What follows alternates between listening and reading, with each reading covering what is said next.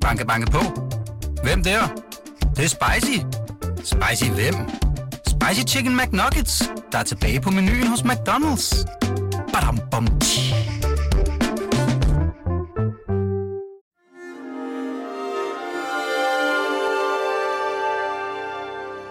Du lytter til Weekendavisens hjemmeskole.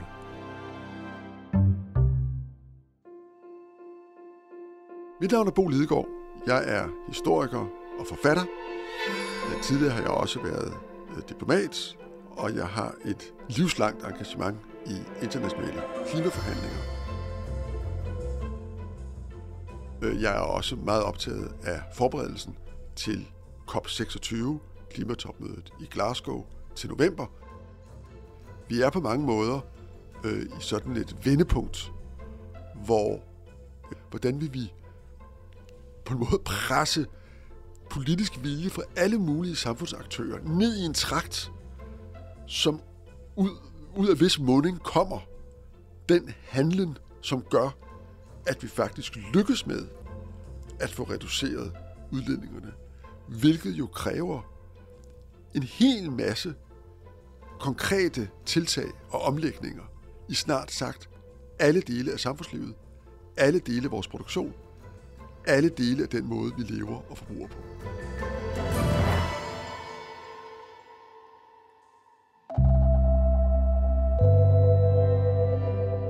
Vi er på mange måder øh, i sådan et vendepunkt, hvor det egentlig ikke længere er et spørgsmål om, vi vil gøre noget, øh, hvor, men et spørgsmål om, hvad er det præcis, vi vil gøre? Eller mere konkret, hvordan vil vi forstået som det internationale samfund, der mødes i Glasgow til november, hvordan vil vi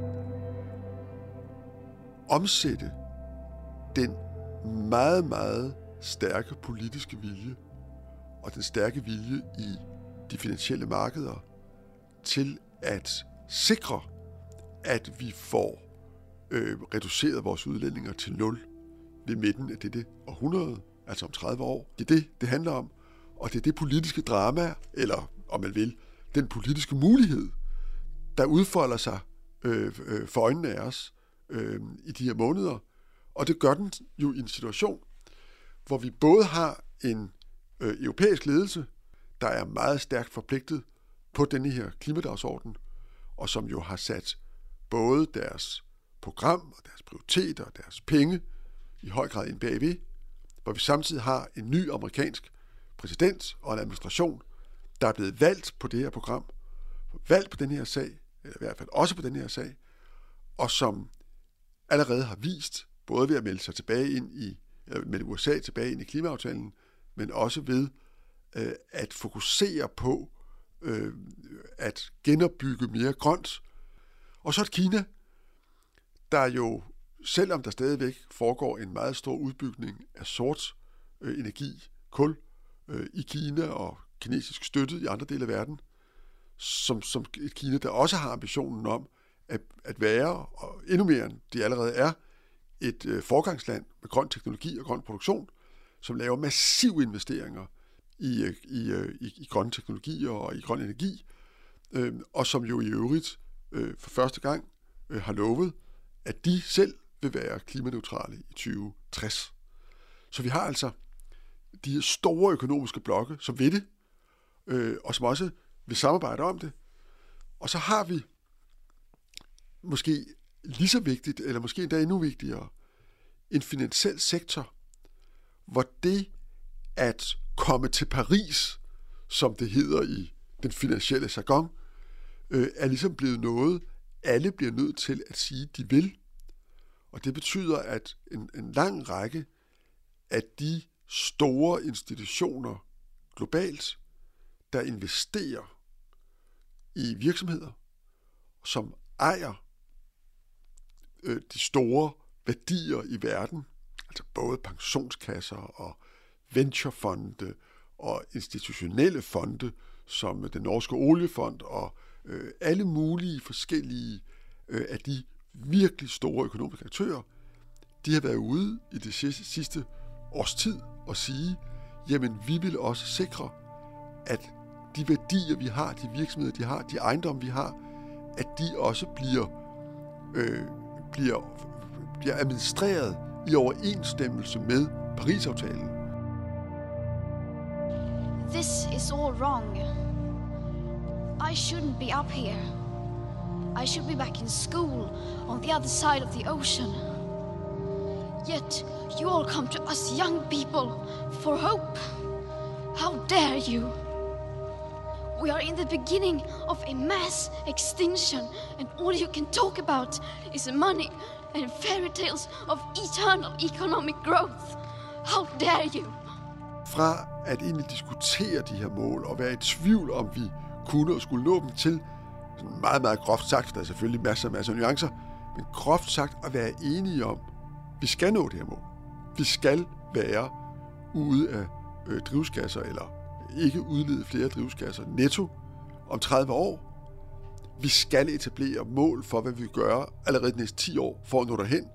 Og det skal helst være ambitiøse mål, som peger i retning af, at vi kan komme helt derhen, hvor vi skal, altså til, til netto 0 i, øh, i 2050, øh, og hvor der er en kolossal opbakning bag det, både i de finansielle sektor, men jo også i alle de produktionsvirksomheder, der ligger nedenunder, og hvor det bliver en, en helt naturlig del for rigtig mange virksomheder at sige, jamen vi, vi, vi forudser også, at vi skal være med på den rejse, og vi skal også om 30 år være holdt helt op med at udlede, og hvor jo virksomheder, ikke kun i Danmark og Kina og USA, men i hele verden, arbejder intens på at finde ud af, hvordan kan vi producere det, vi er gode til at producere, så det både bliver billigere og renere, og hvordan kan vi gøre det, så det gennem hele kæden af værdi op til det færdige produkt, hvad enten det er en service, eller det er, det er en, øh, noget, vi, altså en, et fysisk produkt, hvordan kan vi gøre det, så vi, bliver, øh, så vi ikke bidrager til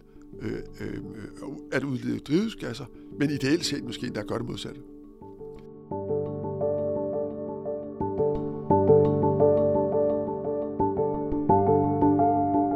Og man skal ikke forestille sig, at der sætter verdens ledere sig ned og siger, vi har lovet hinanden at begrænse øh, øh den øh, globale temperaturstigning til højst 2, 2 grader, helst kun 1,5 øh, grad. Øh, vi har lovet hinanden, at vi vil forstærke vores respektive bidrag hen mod det mål, og nu melder vi nogle mål ind, som klart viser, at det når vi. Og i øvrigt, så laver vi et regime, med en fælles øh, pris på udledninger i hele verden, og med en eller anden system, så både den finansielle sektor og alle mulige andre sektorer bliver reguleret på en måde, så vi når derhen. Det er ikke sådan en type topmøde, det er ikke sådan en proces. Sådan et møde tror jeg aldrig kommer, fordi sådan et sted er verden ikke, den ligesom lader sig regulere på den måde, eller lader sig styre på den måde. Vi har ikke en verdensregering, og vi har ikke et verdensparlament, og, og vi har mange forskellige viljer, og vi har mange forskellige interesser. I øvrigt også mange forskellige legitime interesser. Vi har altså en, en fantastisk akkumuleret vilje til at gøre noget. Og vi har også en fornemmelse, tror jeg, nærmest i alle industrier, om, at dem, der gør noget først, de får også den største fordel. Dem, der er smartest, finder den billigste måde at reducere deres udledninger på, de har et kæmpe potentiale, fordi alle skal den samme vej. Dem, der finder på nye, smarte teknologier, de kan bidrage med til landbruget, eller til industrien, eller til rejsebranchen, eller hvad som helst – øh, de har en kæmpe fordel. Så der er en skaberkraft og en øh, opfinderlyst og en, øh, altså en, en fantastisk mangfoldighed af mennesker over hele jorden, i alle sektorer, der sidder og arbejder med, hvordan kan vi gøre et eller andet mere grønt, mere smart, mere billigt.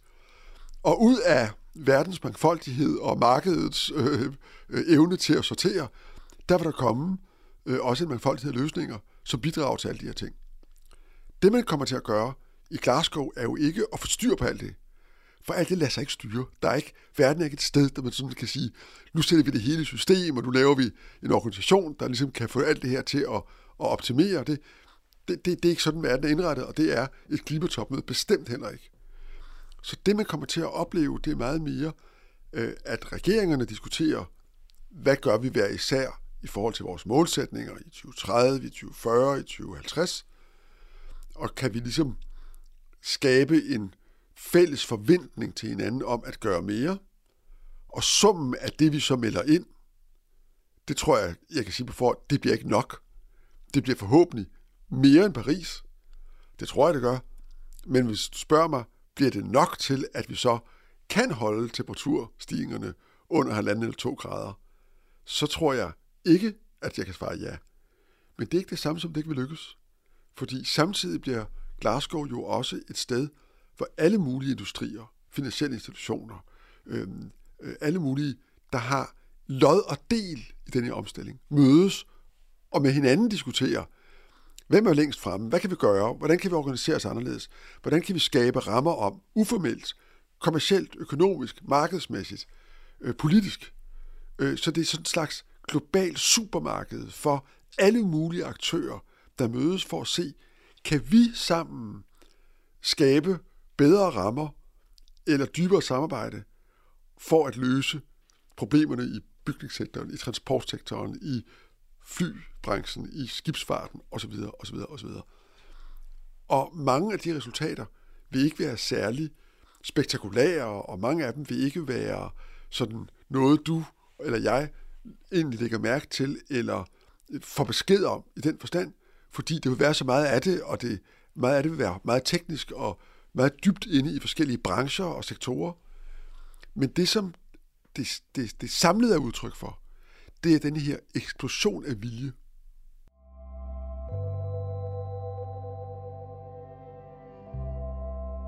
Blanding af, at man har nogle meget store visioner. Og noget af det, der gør, at man efter min mening ikke skal undervurdere FN, det er FN's evne til at sætte mål, som vi faktisk er enige om. Altså vi, hele verden. Prøv lige at forestille dig faktisk at kunne få 200 vidt forskellige lande med helt forskellige styreformer og helt forskellige økonomiske interesser til at blive enige med konsensus om, vi vil reducere den globale opvarmning til under 2 grader. Det er stort for mig. Det er ekstremt vigtigt, og det er meget vigtigt for at have noget, man så kan referere til som øh, Paris-aftalen eller som 2-graders målsætningen, vi bliver enige om i København. Men det er ikke det samme, som FN også kan vise vejen til at nå derhen. Altså FN er elendig til at sige, nu skal alle verdens lande blive enige om at gøre noget meget bestemt. Så FN kan altså lave de her målsætninger. Men FN kan ikke fortælle lande, og slet ikke tvinge lande eller industrier, til faktisk at gøre det, der er nødvendigt. FN har ikke nogen myndighed over os. Øh, altså, EU har en vis form for myndighed, men det er jo kun 27 lande, og selv det er jo meget begrænset, og vi vil ikke have, at det skal være mere. Så det er jo, det er jo os hver især, der skal gøre det. Det er de enkelte industrier, der skal gøre det. Men samtidig har FN en evne til at følge deres mål på den, helt op på overliggeren, op med en vis grad af gennemsigtighed, rapportering, harmonisering af regler for at fortælle, hvad vi hver især gør, så der bliver et vist niveau af sammenlignelighed.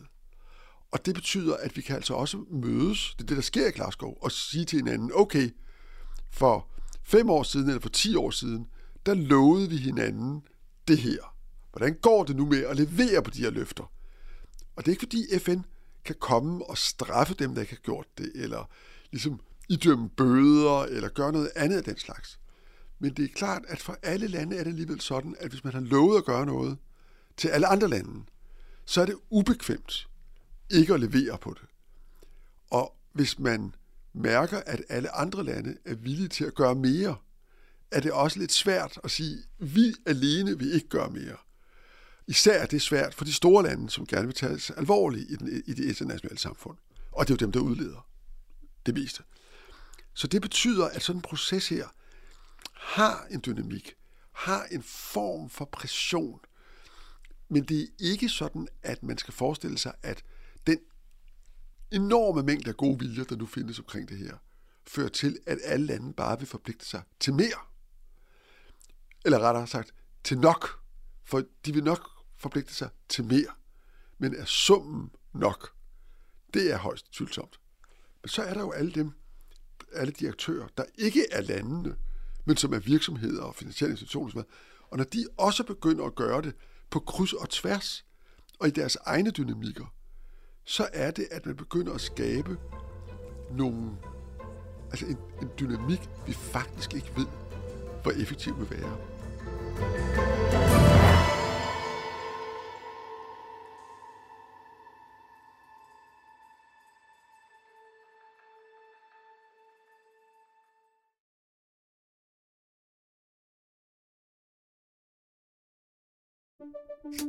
Banke, banke på.